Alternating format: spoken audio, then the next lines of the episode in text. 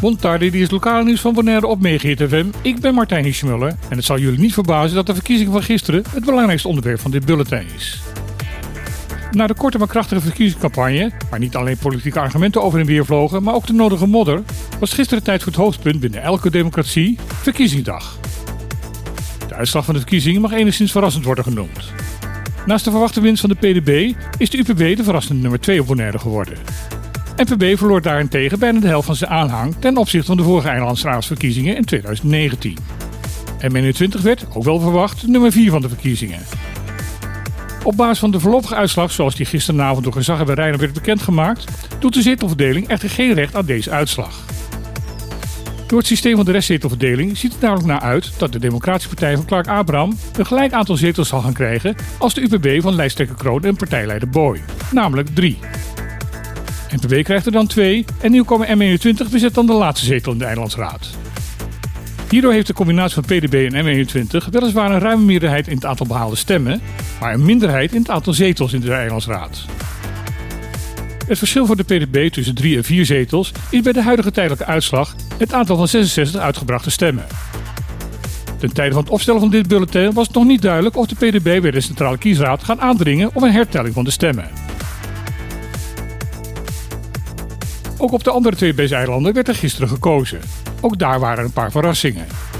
Bij de vorige verkiezingen in 2019 won de partij WIPM alle vijfde zetels in de eilandsraad van Saba. Dit keer bleek er een kaver op de kust. In de nieuwe eilandsraad van het kleine eiland zal de nieuwe partij PEP nu twee zetels gaan krijgen. Een van die twee zetels gaat bezet worden door een oud-bekende, Hemmy van Xanten. In 2019 maakte hij nog deel uit van de fractie WIMP, maar stapte daar gedurende de rit uit om daarna een eenmansfractie in de raad te vormen.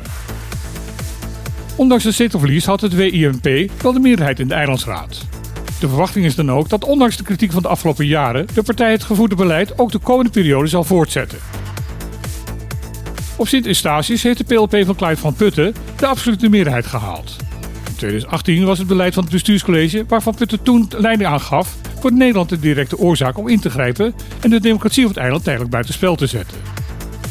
Nu er druk gesproken wordt over het herstel van deze democratie, krijgt de partij van Van Putten de mogelijkheid om wederom alleen te gaan besturen. De andere twee zetels in de eilandraad van Statia zullen bezet gaan worden door de Democratische Partij op het eiland. Daarmee wint deze partij één zetel ten opzichte van de vorige keer. En dan is er toch ook nog wat ander nieuws.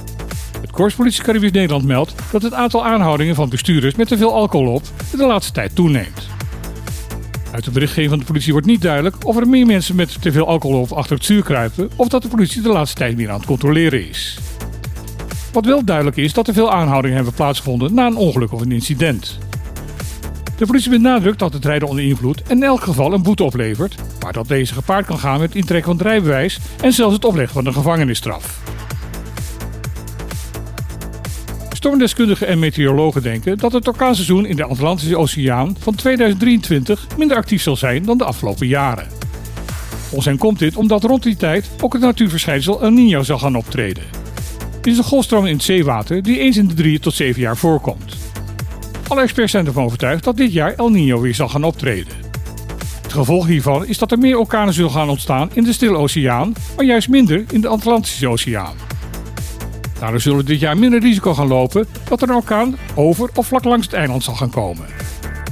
Orkaandeskundigen waarschuwen daarbij wel dat het risico dat Bonaire toch bedreigd gaat worden door een zware storm of orkaan altijd aanwezig zal blijven.